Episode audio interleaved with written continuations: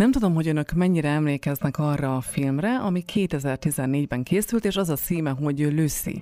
És hogy miért is említem ezt a filmet? Egy lányról szól, aki hát úgymond egy idegen anyag kerül a szervezetébe, aminek hatására agyának egyre több és több százalékát kezdi el használni. És a film maga azt mutatja be, hogy bizonyos százalék mennyiségnél mire képes az ember, mi az, amit lát, érzékel, tapasztal. És mi történik akkor, amikor agyának száz százalékos kapacitását ki tudja használni. Hát az, hogy ez mennyire igaz, vagy nem, megvalósulhat ez valaha, vagy nem, mindjárt kiderül, mert hogy dr. Csádi László neurobiológussal fogok beszélgetni. Jó napot kívánok, üdvözlöm! Jó napot kívánok, üdvözlöm, és a hallgatókat.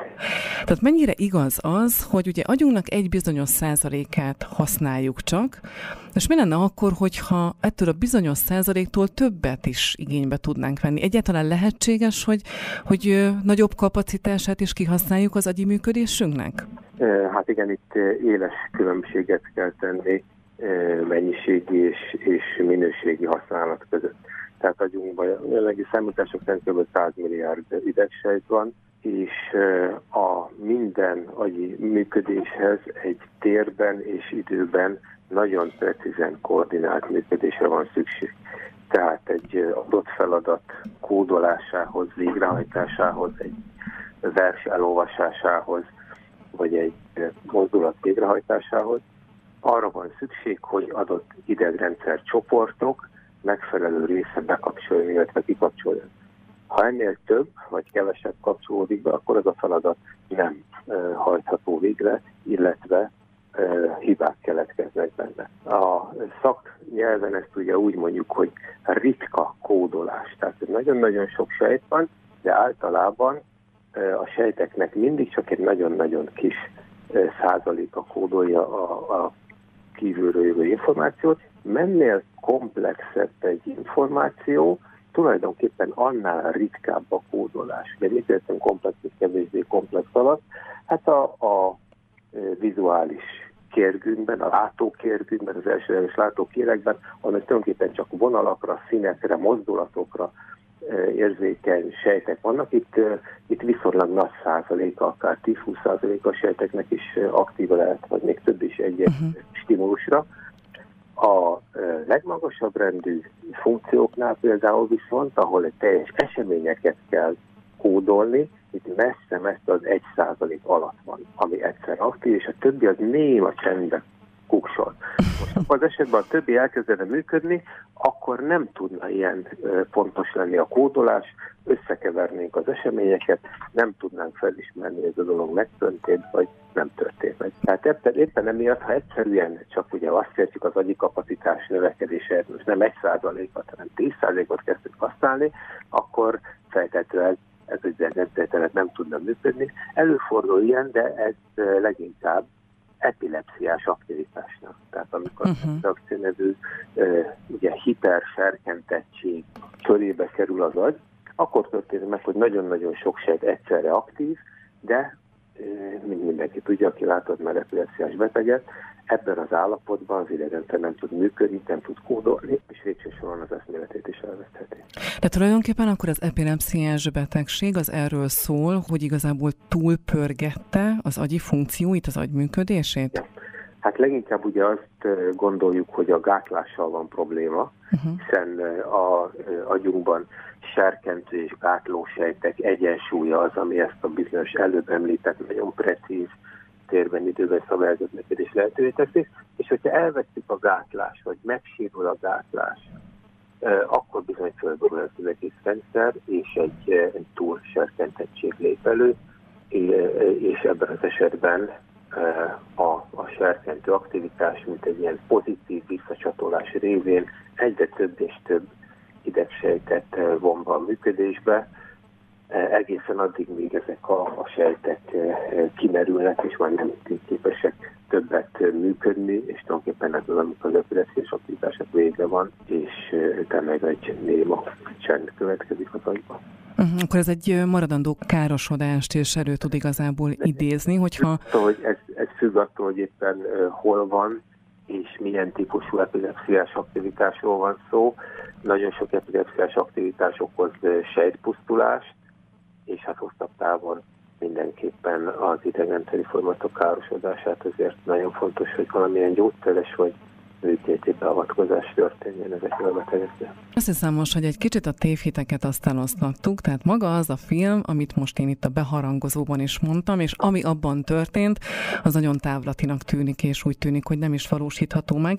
Ennek ellenére beszélgettünk ugye arról, hogy fokozható az agyi tevékenység, bizonyos agyba beültethető agyi tevékenységet fokozó csippek segítségével. Ez mit jelent pontosan? Ugye jelenleg még ez is a, a körülbelül a, a sci kategóriába tartozik, uh-huh. de e, egészen biztos, hogy történnek e, ilyen irányú törekvések, olyan e, készülékeket fejlesztenek ki, amelyek fokozhatják az idegrendszer aktivitását, vagy bármiféle kedvező befolyással vannak a, a kognitív működésre, gondolkodási működésre. Ez azért mondom, hogy a messze-messze jövőbe megy, mert a jelenlegi etikai megközelítések szerint ugye egészséges ember agyával semmit se csinálunk. Tehát a jelenlegi etikai előírások szerint ugye valamilyen betegségbe kell szenvedjen az az ember, akinek bármit ültetnek az agyába, és ez a bármi, ez ugye arra szolgál, hogy a betegséget valamivel jobban tudjam dódítani. Milyen betegségre gondol itt?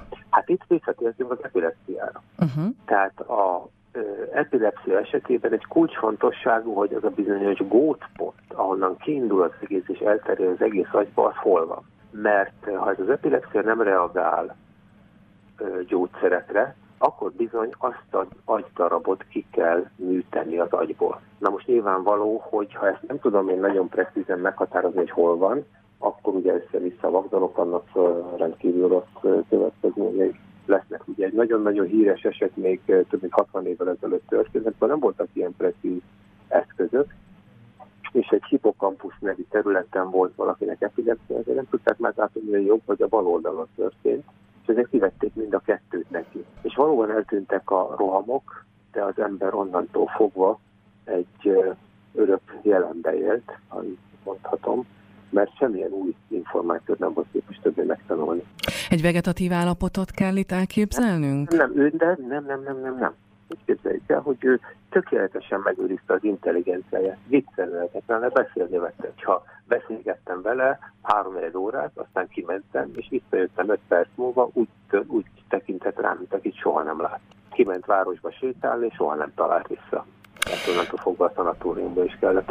Tehát egészen specifikus módon. Na, hogy ezeket az eseteket elkerüljék, most epilepsziás betegekben lehet ültetni elektródot és azért, hogy kiderítsük, hogy hol van a epilepsziás fókusz, és ebben az esetben, ha természetesen, ha beleegyezik, a kísérleti jelleggel ugye különböző feladatokat oldhatok meg vele, és megnézhetem, hogy eközben, amikor éppen nincsen rohama, természetesen mit csinálnak azok a idegsejtek, és hát így teszték fel például, hogy valóban ezen a területeken eseményeket kódoló idegsejtek vannak az emberek esetében, csak úgy, mint az állatoknál. De visszatérünk a, a módosításra, ugye az egy még sokkal jobb dolog lenne, hogyha nem kéne valamennyi ö, anyagot ugye kivenni az agyból, bár ezt nyilván próbálják nagyon körültekintően csinálni, hanem az lenne, hogy valamiféle elektromos impulzussal én úgy megzavarnám azt a kis ö, ö, helyet, hogy ne tudjon az epilepsziás aktivitás kialakulni. De és erre is történnek nagyon komoly lépések, itt ö, magyar kutatók is ö, élen járnak ebben. Tehát a lényeg az, hogy ebben az esetben be van ültetve ö, tartósan egy elektróda az idegrendszernek a adott pontjára, és az érzékelni fogja, hogy a epilepsziás roham következik, és mielőtt be következne, akkor elkezd olyan jeleket adni, hogy az epilepsziás roham ne tudjon bekövetkezni. Tehát ebben az értelemben ugye, ha akarjuk, akkor befolyásoljuk külső módon az idegrendszerűen működését elektrók segítségével, de kizárólag azért, hogy a epilepsziás roham ne, ne alakuljon ki. Ez egy hihetetlen történet amúgy, és feltérképezetlen történet. Amúgy is az agyunk működése, az nagyon-nagyon sok meglepetést tartogat még számunkra. Úgyhogy említette, az betegségekről beszéltünk, és említette egyrésztről az epilepsziát, viszont beszélgettünk arról is, hogy bénulásos betegségek esetében is van előretér, előrelépés ezzel az agyba beülthethető csippek segítségével. Erre mondana egy konkrét példát? Igen, igen. Tehát uh, itt is uh, forradalmi erőlépések vannak, és itt is tulajdonképpen az a uh, titka az egésznek, hogyha uh, uh, precízen rögzítjük az idegrendszer aktivitását, és megpróbáljuk megfejteni ezt a kódot, akkor elképzelhető, hogy valamiféle robotkart, vagy, vagy mozgató berendezést tudunk vele irányítani. És hát ugye a leghíresebb ilyen esemény a Riói foci végén történt, ahol ugye a kezdő rugást egy olyan férfi tette meg, aki e, tulajdonképpen nyaktól lefele béna volt, de e, beültettek a motoros agykérgébe, tehát a mozgató agykérgébe, ahol különben a, azok a parancsok születnek, hogy ugye megmozdulni egészségesnek, meg beteg embernek is. Ő nem azért lett béna, mert illetve mozgás képtelen, mert az agyával történt valami, hanem azért, mert a, már nem is tudom pontosan, talán valamilyen nyapisérülés miatt a nem tudott a megfelelő agyi parancs eljutni az izmokhoz. Uh-huh. Tehát az agyi parancsot ki tudta adni, csak nem volt mi az ügye.